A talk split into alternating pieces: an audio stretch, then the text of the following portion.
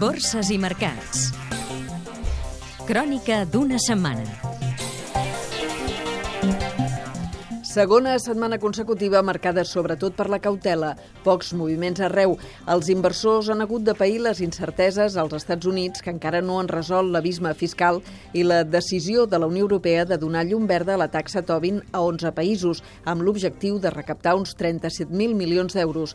També les pitjors previsions del creixement econòmic mundial per aquest 2013 d'un Fons Monetari Internacional que ha empitjorat, a més, el seu pronòstic per Espanya.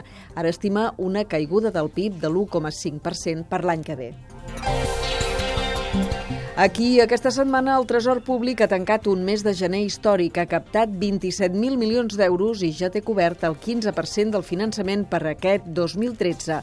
Dimarts col·locava d'una banda 2.784 milions, més de l'objectiu màxim previst en lletres a 3 i 6 mesos i pagant l'interès més baix des del març passat. I a més, també dimarts, 7.000 milions d'euros en un bo sindicat de nova referència a 10 anys, amb una rendibilitat del 5,4% i amb una demanda rècord superior als 22.000 milions d'euros.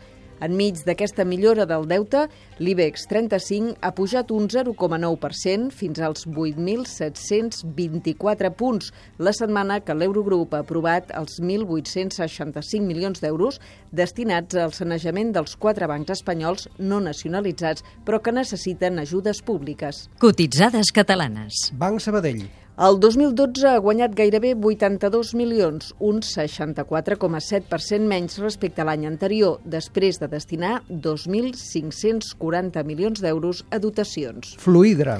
El vicepresident del grup Puig, Manel Puig, controla ja el 5% del capital de la multinacional especialitzada en la gestió de l'aigua i en la fabricació de material per piscines. La seda de Barcelona ha venut la companyia Slir, dedicada al reciclatge de purins, a la societat Fertigama per 50.000 euros. AMSI Habitat. Les accions d'aquesta immobiliària, filial d'agrupació mútua, han passat a mans de la nova asseguradora Agrupació AMSI després de l'absorció. L'euro. S'ha mantingut prou estable aquests dies davant de la moneda nord-americana. Aquest divendres, el BCE n'ha fixat el seu canvi oficial a 1,3469 dòlars, en zona de màxims d'ara fa 11 mesos. El petroli. El barril tipus Brent, el referent a Europa, s'ha pagat al voltant dels 112 dòlars de mitjana la setmana que han pujat les reserves setmanals de petroli als Estats Units. Vocabulari financer. Què és la taxa Tobin? És com es coneix l'impost sobre les transaccions financeres. A iniciativa del Premi Nobel d'Economia James Tobin, és un gravamen o comissió afegida sobre qualsevol flux de capital que travessa les fronteres entre estats i que busca aturar l'especulació a curt termini.